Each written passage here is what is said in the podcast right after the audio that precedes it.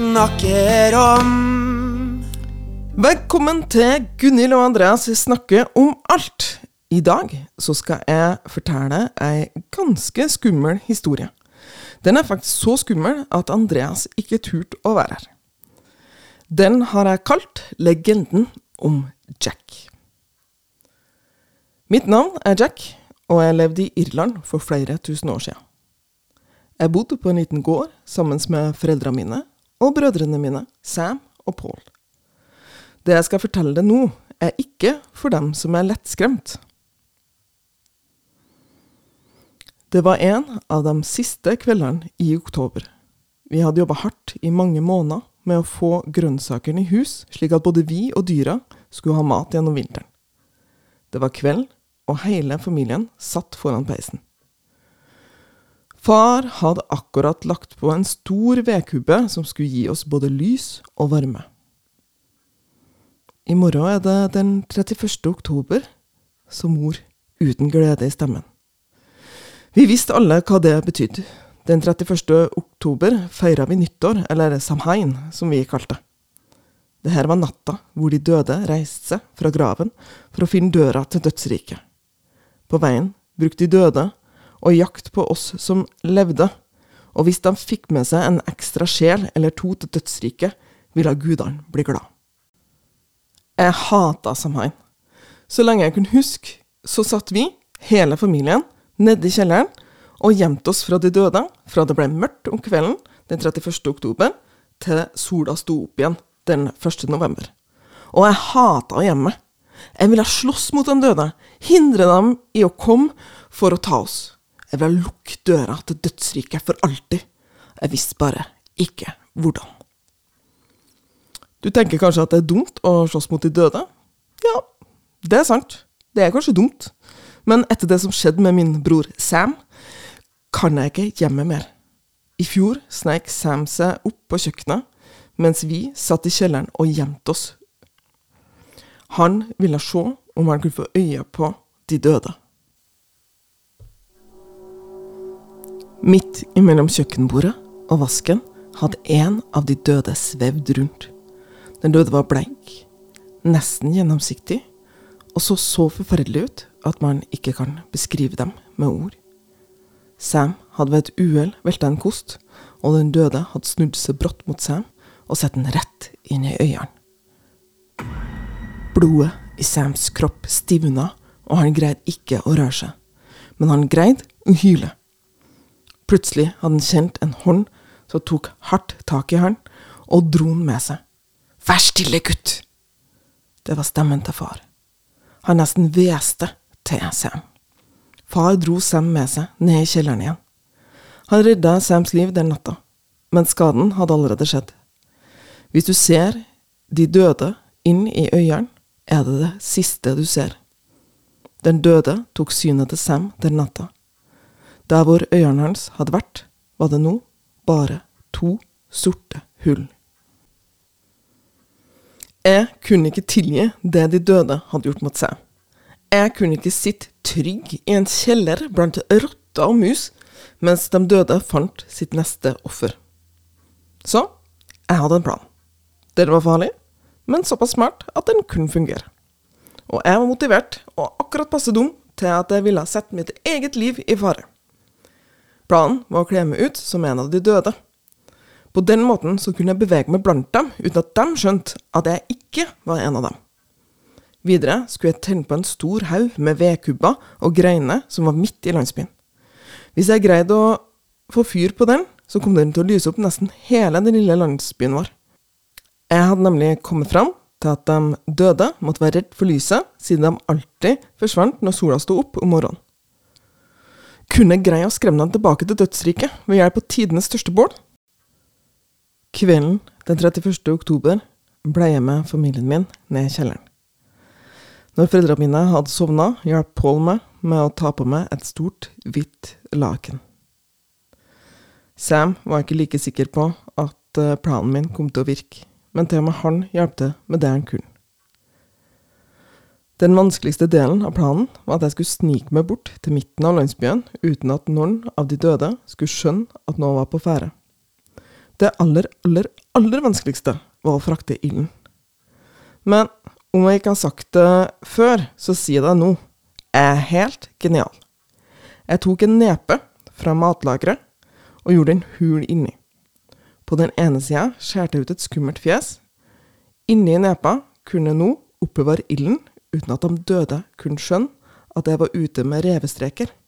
De døde ville bare tro at det var en annen død som svevde rundt i lufta. Genialt! Du tenker kanskje 'hæ? Nepe?'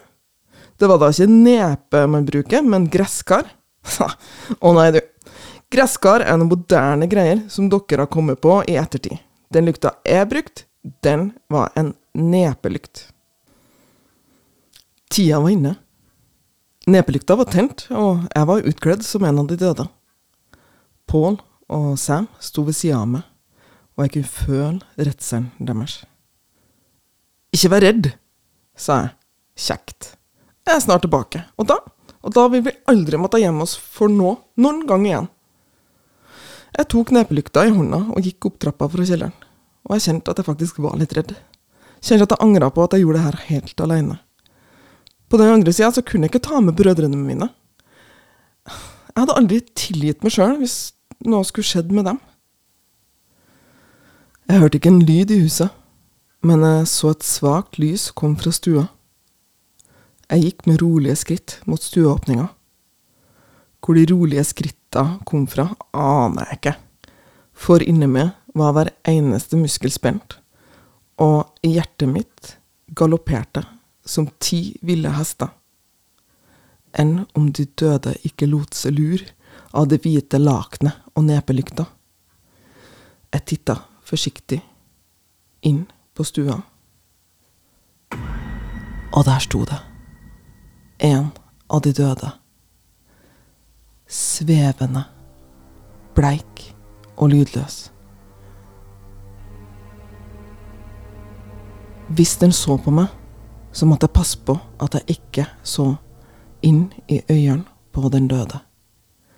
Jeg tvang meg sjøl til å trekke pusten rolig, og prøvde å gjøre alt i en svevende, rolig bevegelse. Jeg tok ett skritt. Ingenting skjedde. Den døde var opptatt med noe annet. Jeg tok et par skritt til og nærma meg midten av stua. Den døde stoppa litt opp, akkurat som om den merka at jeg var nær. Den snudde seg sakte. Jeg holdt pusten, og senka blikket mitt slik at jeg så der beina til den døde ville vært. Nå fikk det bare briste eller bære. Den døde snudde seg rundt. Vi sto slik, i noe som kanskje virka som flere timer, men som sikkert bare var noen sekunder. Ingenting skjedde fun funka det? Fun funka den ville planen min? Den døde snudde seg tilbake og fortsatte med hva enn den holdt på med før jeg kom. Jeg jubla innvendig. Den døde sensa meg, men hadde ikke skjønt at jeg var en levende, og hadde latt meg være i fred. Da var det bare å fortsette. Jeg gikk ut av huset og inn i landsbyen. Rolige bevegelser. Alt føltes litt lettere nå. Kunne jeg komme unna med det her? Nå nærmer jeg meg midten av landsbyen, og jeg runda et hjørne, og der, der så jeg noe som nesten skremte livet av meg. Der var det en stor samling av de døde. De var flere enn jeg hadde lært meg å telle til. Og det verste av alt var at de sperra veien mellom meg og den store haugen med vedkubber. For å komme bort til vedhaugen, så måtte jeg gå gjennom og mellom og forbi altfor mange av de døde. Kunne det her gå? Åh, jeg hadde kommet så langt, så jeg må jo nesten prøve. Jeg gikk noen skritt i retning vedhaugen uten at noen av de døde reagerte. Men akkurat som tidligere snudde de seg rolig mot meg etter hvert som jeg nærma meg. Blikket mitt var som låst fast ned mot bakken, sjøl om jeg òg fulgte med på om noen av de døde bevega seg. Det gjorde de ikke. De sto bom fast. Jeg merka at de fulgte med meg. Det var akkurat som om de skjønte at det var noe tull. Her kom jeg spradende, og føltes som en levende, men så ut som en av dem. Akkurat som om de bare venta på at jeg skulle gjøre en feil, som kunne bevise at jeg var en levende, som de kunne ta med seg gjennom døra ned til dødsriket. Jeg måtte gjøre alt riktig. Etter noen skritt til var jeg endelig ved vedhaugen, og jeg kunne føle at de døde så på meg, fulgt bevegelsene mine. Nå var jeg ved målet. Det eneste jeg måtte gjøre nå, var hadde tent på den store vedhaugen. Åh, hjertet sank i meg. Hvordan skulle jeg få til det uten at de døde skjønte at jeg var en levende? Kaste nepelykta inn i kubbelen? Nei. Nei, nei, da kunne det hende at de ikke tok fyr. Kanskje sette dem ved sida av noen av kubbene, og så bare håpe at det tok fyr? Nei, uff. Sjansen for at de tok fyr da var for liten, og den kunne velte og slukke. Det, det, det, var bare én mulighet. Jeg måtte løfte flammen ut og sette den inn i kvisthaugen som vi allerede hadde lagt klar. Ville de døde skjønne det? Ville jeg greie det uten å avsløre meg? Nå skalv det på hendene. Redselen raste rundt i kroppen min og gjorde meg usikker. Motet som hadde vært der tidligere, var helt borte. Jeg tenkte på mor og far. På Paul og Sam. Åh, Sam. Det her var jo for Sam. Det var derfor hun gjorde det. Jeg satte ned nepelykta og åpna den. Tok tak i ilden og la den oppi kvisthaugen. Det begynte å knitre med en gang. Jeg snudde meg rolig og så at den døde sto like stille. Hadde det gått? Det ble lysere og lysere bak meg. Vedhaugen hadde tatt fyr, og jeg kjente varmen mot kroppen. Det blei varmere og varmere. For varmt! Det hvite lakenet som gjorde at jeg så ut som en av de døde, hadde tatt fyr. Lakenet måtte av meg, men de døde sto fortsatt og så på. Åh, au! Greide å vente til de ble skremt bort av lyset. Au! Nei, det begynte å bli for varmt. Jeg måtte holde ut litt til. Au! Buksa mi hadde begynt å ta fyr. Det her gikk ikke.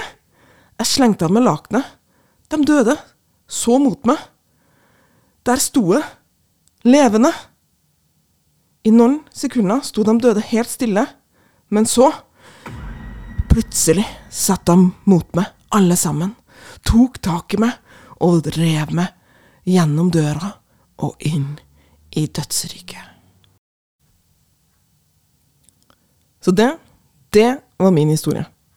Legenden om Jack, som redda landsbyen fra de døde. For fra den dagen jeg ble tatt uh, av de døde, så fortalte brødrene mine historien min til alle som ville høre på. Og allerede året etter så hadde alle landsbyer i hele Irland store bål midt i byen som beskytta dem fra de døde på nyttårsaften. Alle hus hadde nepelykter som de kalte Jack og Lantern, oppkalt etter meg. Nepelykta gjorde at de døde ikke kom inn i husene mer. I tillegg så hadde hele Irland begynt å kle seg ut som de døde på nyttårsaften slik at eh, det var vanskelig for de døde å skjønne hvem som var levende, og hvem som var død. Med åra så har nepelykta blitt til gresskalykt. Nyttårsaften blir nå kalt for halloween, og dere har fått bedre utkledningskostymer. For aldri har det vært så vanskelig å skjønne om det er noen som er levende eller død, når døra til dødsriket åpner seg når mørket senker seg den 31. oktober. Det var historien og legenden om Jack. Det er Gunhild som har skrevet denne historien. Om den er sann eller ikke, det vil jeg ikke si noe om. Gunhild og Andreas snakker om Gunhild og Andreas er en veldig skummel podkast fra Elevkanalen. Og hvis du har lyst til å høre flere skumle historier, eller lære mer om halloween, så kan du gå inn på elevkanalen.no.